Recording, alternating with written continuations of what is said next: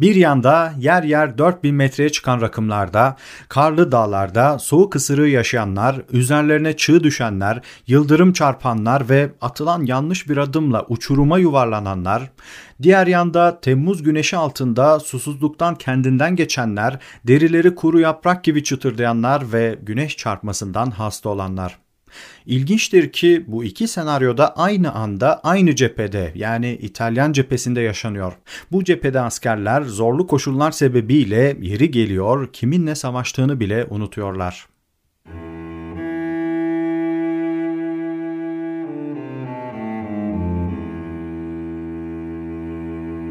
Merhabalar, ben Civan Avcı. Birinci Dünya Savaşı podcast serisinin 56. bölümüne hoş geldiniz. Bu bölümde sizlere İtalyan ordusuyla Avusturya Macaristan ordusu arasında geçen 2. Isonzo Muharebesi'ni anlatacağım. 3 haftalık bir süreçte iki taraftan toplamda 100 bine yakın kaybın yaşanacağı bu muharebe, icra edildiği zorlu coğrafya ve bu coğrafyanın muharebeler olan etkisi bakımından çok ilginçtir. İtalyanlar ve Avusturyalılar bu cephede sadece birbirleriyle değil ortak bir düşmana, doğaya karşı da savaşmışlardır. Şimdi detaylara geçmeden önce arkadaşlar belirtmek istediğim bir husus var. Dinlemekte olduğunuz podcastleri özgün kılan bol kaynak kullanımım, özellikle yabancı kitaplar epey masraflı olabiliyor. Ayrıca YouTube projesi için taksitle aldığım ekipmanlar da aynı şekilde.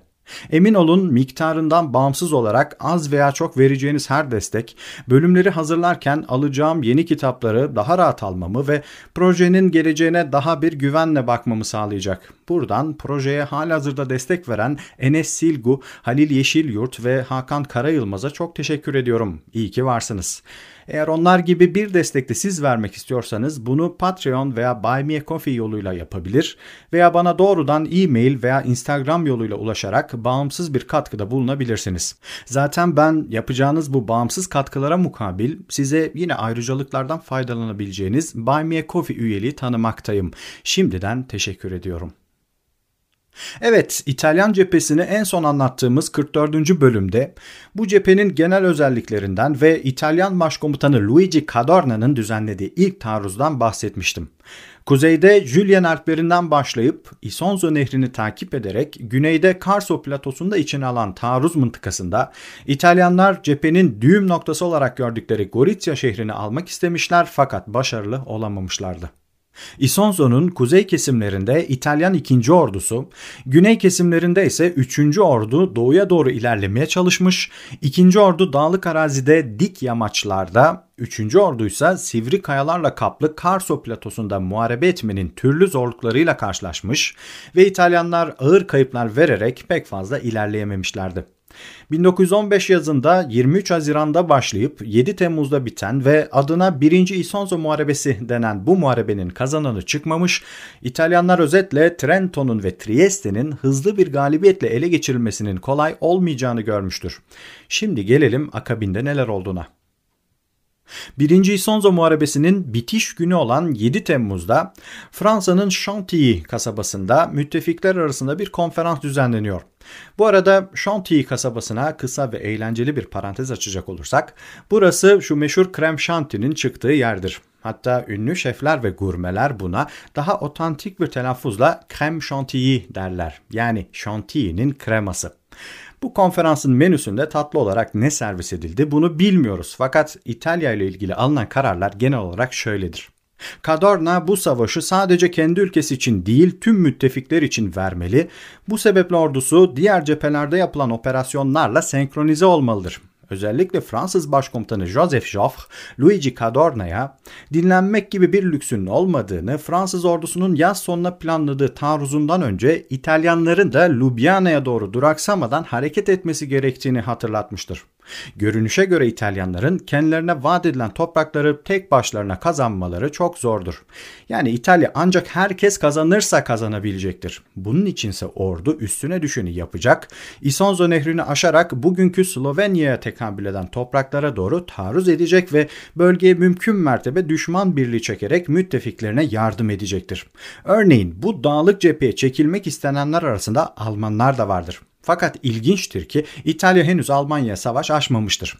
İtalya'nın savaşa girmeden önceki o enteresan politikaları savaşa girdikten sonra da devam etmiştir. Başarısız olan ilk taarruzun ardından Kadorna müttefiklerinin de teşviğiyle Temmuz ortalarına doğru ikinci bir taarruz planlıyor. Fakat burada dikkati çeken ikinci taarruzun taktiğinin birinci taarruzunkinden çok da farklı olmayışı oluyor. Yine ikinci ordu kuzeydeki dağlık bölgeden harekete geçerek bitmek bilmeyen Sırtlar silsilesindeki her bir tepeyi tek tek almaya çalışacak.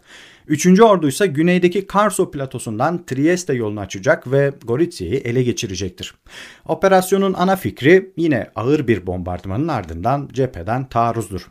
Fakat bu kez ilk taarruzdan az da olsa dersler çıkarılmış ve bombardımanların planlamasına biraz daha özen gösterilmiştir.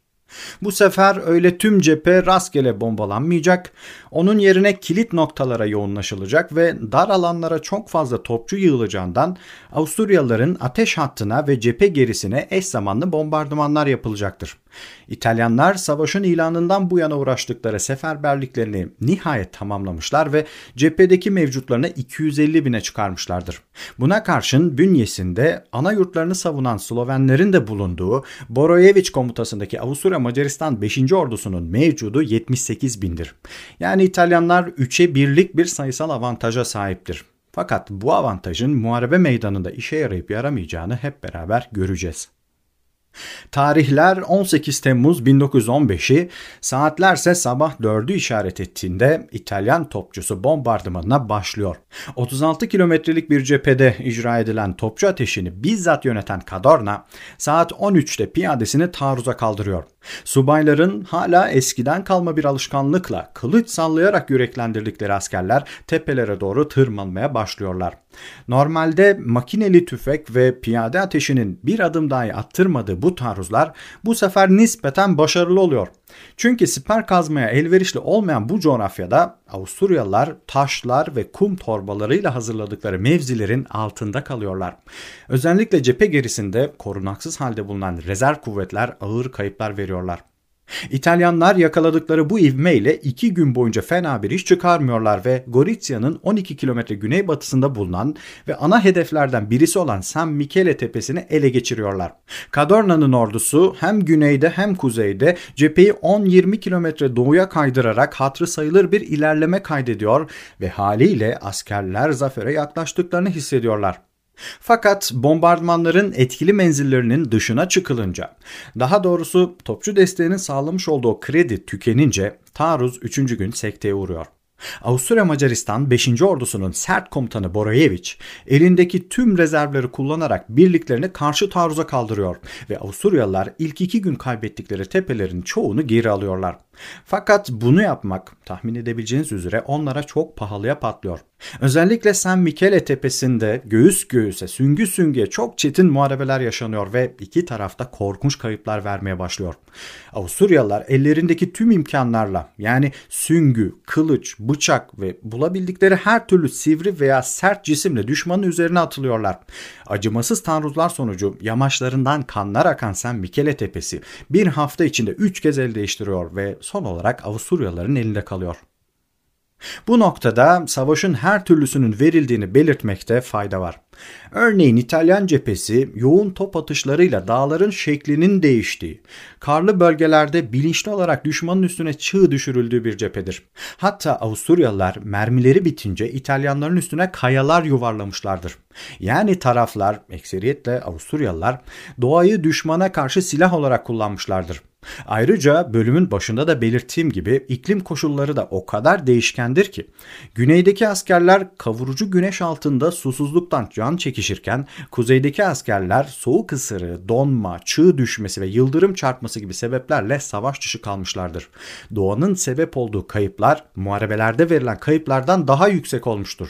Kayıtlara göre bu cephenin bazı muharebe sahaları yer yer 4000 metre irtifaya çıkarak savaş tarihinin en yüksekte geçen muharebe muharebelerine sahne olmuştur. Bu da aslında bir yandan taraflar arasında dostluklar kurulmasına vesile olmuştur. Çünkü o irtifalarda izole kalan birlikler doğayla mücadele edeyim derken bir noktada düşmanlığı unutmuştur. Evet, muharebeye dönecek olursak. İtalyan ilerleyişi 3. gün duruyor fakat şiddetli çarpışmalar 10 gün daha devam ediyor. Düşmanından daha fazla askere ve cephaneye sahip olan Cadorna saldırı emirlerini yinelerken birlikleri San Michele tepesini ele geçiremeseler de 25 Temmuz'da onun hemen batısındaki Cappuccio koruluğunu işgal ediyorlar. Bir Avusturyalı yüzbaşı bitmek bilmeyen İtalyan bombardımanlarını ve bunun cephede yarattığı etkiyi şöyle anlatıyor. Gelen top mermileri çıplak gözle görülebiliyordu. Siyah sosislere benziyorlardı. Etkileri bu kadar korkunç olmasaydı Karso gazilerinin bu tarafa atlayarak mermilerden kaçmalarını görmek gülünç olurdu. Yeni gelenler mermilerden kaçınmak gerektiğini farkında olmadıkları için havaya uçtular. Bombardıman biter bitmez İtalyanlar genellikle bizimkilere çok yakın olan mevzilerinden bize doğru akın ediyorlar ve siperlerimize atlıyorlardı. Askerler güney kesimlerde uzun yaz günlerinin ve kavurucu güneşin altında damakları kuru bir vaziyette White War kitabının yazarı Mark Thompson'ın da tabiriyle yüzlerine konan sinekleri kovacak takatleri bile kalmayıncaya kadar savaşırken kuzey kesimlerde en az 2000 rakımlı coğrafyada başka bir senaryo yaşanıyor. Dondurucu rüzgarlara, durmadan yağan yağmurlara, ceviz büyüklüğünde düşen dolu da eklenince herkes perişan oluyor. İtalyan Bersaglieri alayına bağlı bir taburda görevli yüzbaşı Virgilio Bonamore 2 Ağustos'ta günlüğüne şöyle yazıyor. Yağmur bir gün bile durmadı. Hava o kadar soğuktu ki 50 kişi hariç taburun tüm askerleri soğuk ısırı sebebiyle savaş dışı kaldı. Ölülerin arasından çömelerek nişan alıyorduk koku dayanılmazdı ve bu halimizle düşmanın öfkeli taarruzlarını karşılamak zorundaydık. Neyse ki hepsini püskürttük. Adamlarımızdan birçoğu başlarını siperlerden kaldırır kaldırmaz vurularak yere düşüyordu. Bitmek bilmeyen bombalarda epey can alıyordu. Bu bombalar Avusturyaların özel bir ekipman kullanarak 300 metre mesafeden fırlattıkları 30 santimetrelik silindir şeklindeydi ve etkileri korkunçtu. Zavallı bir alp komandosu bacağını kaybetti ve midesi yerinden çıktı. Gündüz vakti bombaları görüp onlardan kaçabiliyordunuz fakat geceleyin sıkıntı çok büyüktü. Isonzo'nun kuzey kesimlerinde Julian Alplerinde devam eden muharebelerde İtalyanlar Caporetto'yu geçerek Batonica tepesini ele geçiriyorlar. Kern tepesinin en yakın komşusu olan bu tepe bugün tarihsever dağcıların uğrak noktasıdır. Çünkü 2164 rakımlı tepenin zirvesinde hala savaştan kalma bomba kraterleri, savunma tünelleri ve etrafa saçılmış savaş malzemeleri vardır. Çok kanlı çarpışmaların yaşandığı bu tepe sonraları Monte Rosso yani Kırmızı Tepe denecektir. Yaşanan çarpışmalarda bir keresinde Avusturyalıların bombardımanlarında bir yamaç komple çökmüş ve 20 İtalyan askeri bu şekilde kayıplara karışmıştır. Coğrafya ve hava koşulları o kadar yıpratıcıdır ki İtalyanların gücü tükenme noktasına gelirken açıkçası Avusturyalılar da çoktan bitmiştir. Muharebeye 78 bin askerle başlayan 5. ordu 17 gün sonunda yaklaşık 46 bin kayıp vermiş ve neredeyse cephede tutunamaz hale gelmiştir. Hatta o ana kadar kendi yağıyla kavrulmuş olan Borayeviç sonunda Sırbistan cephesinden takviye istemek zorunda kalmıştır. Fakat o cephede de işler Avusturyalılar için hiç de iyi gitmemiştir. İsterseniz bu vesileyle biraz da Sırbistan cephesinden bahsedelim. Avusturya Macaristan ordusu 1914 Ağustos'undan Aralık ayına kadar Sırbistan'ı 3 kez işgal etmeye çalışmış fakat Ser, Drina ve Kolubara muharebelerinde o küçük gördüğü Sırp ordusuna 3 kez yenilerek 227 bin gibi korkunç bir kayıp vermiştir. Sırbistan'ın Balkan harplerinde pişmiş o tecrübeli ordusu sanıldığı gibi kolay lokma olmamış, Avusturyalılar sayısal, ekonomik ve teknolojik üstünlüklerine rağmen Sırbistan'ı çevreleyen Tuna, Sava ve Drina nehirleri şehirlerinden bir adım bile içeri girememişlerdir. Her ne kadar Sırbistan cephesi bu bölümde anlattığım 2. İsonzo Muharebesi esnasında sakin zamanlar geçirse de Konrad von Hotzendorf burada savunmada kalan birliklerini bir takviye deposu gibi kullanmış ve bu cepheden Rus cephesine sürekli sevkiyat yaptırmıştır. Üstelik o sıralarda Avusturya Macaristan ve Almanya'nın Bulgaristan'ı savaşa ikna etmek gibi bir çabası vardır. Fakat Bulgarlar ancak Sırbistan'ın ortaklaşa bir operasyonla işgal edilmesi ve oradan kendilerine bir pay verilmesi durumunda savaşa katılacaklarını belirtmişlerdir. Bu konuda hatta Türkler de müttefiklerine Sırbistan'a öncelik verilmesi yönünde baskı kurmuştur. Çünkü Sırbistan düşerse Berlin'den İstanbul'a kadar karayolu bağlantısı kurulmuş olacak ve bu yoldan sevk edilecek büyük Alman toplarıyla Türklerin Gelibolu'daki işi kolaylaşacaktır. Kabaca özetleyecek olursak yeni yeni bir istila planının pişirildiği Balkanlardan takviye istemek için Borayeviç yanlış bir zamana denk gelmiştir.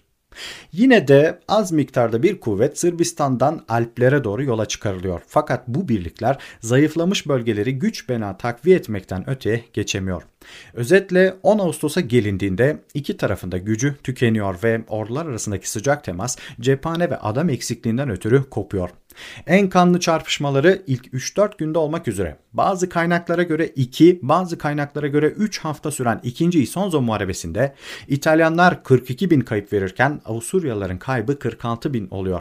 Muharebenin sonucuna ilişkinse Özellikle yukarı Isonzo kesiminde ele geçirdikleri bazı tepeler sayesinde İtalyanların taktik bir zafer elde ettiği söylenir. Fakat ortada 42 binlik kayba karşılık gelebilecek bir kazanım yoktur. Savunmada kalmalarına ve avantajlı hakim mevzilerden ateş etmelerine rağmen ki bir Avusturyalı esir bu konuda İtalyanlara ateş etmek talimlerde ateş etmek gibiydi demiştir. Avusturyalıların kaybının İtalyanlarınkinden fazla oluşunun sebebi komutanları Boroyevich'in sergilediği sıfır toleransa ve mevzi kaybı durumunda yaptırdığı inatçı karşı taarruzlara bağlanır. Ayrıca dağlık ve kayalık arazi derin siperler kazılmasını zorlaştırdığı için Avusturyalılar bombardımanlarda da ağır kayıplar yaşamışlardır. Fakat yine de Boroyeviç düşük mevcuduna rağmen iyi direnmiş ve İtalyanların cepheyi yarmasını engellemiştir. İtalyan cephesi de diğer tüm cepheler gibi bir çıkmaza girmiş ve burada da uzun sürecek yıpratıcı bir savaş başlamıştır. Bu konuda İtalyan Dışişleri Bakanı Sonino'nun bir muhabire verdiği demeci ilginçtir. Sonino o röportajında özetle Cephemizde köşe kapmaya, birbirini yıpratmaya dayalı, askeri manevralara izin vermeyen ve daha önce hiç görülmemiş tarzda yeni bir savaş çeşidi meydana geliyor demiştir. Sonino'nun 1915 yazında sarf ettiği bu cümleye şaşıran muhabirin buna cevabıysa peki diğer cephelerde neler olup bittiğinden haberiniz var mı olmuştur. O zaman itibariyle birinci yılını deviren bu büyük savaşın Batı, Doğu ve Çanakkale cephelerinde yaşanan senaryoların çok benzerini yaşamalarına rağmen İtalyan politikacının bunları daha önce hiç görülmemiş şeklinde tanımlayacak kadar olan bitenden bir haber olması veya bir habermiş gibi davranması ilginçtir. Bir sonraki bölümde görüşmek üzere. Hoşçakalın.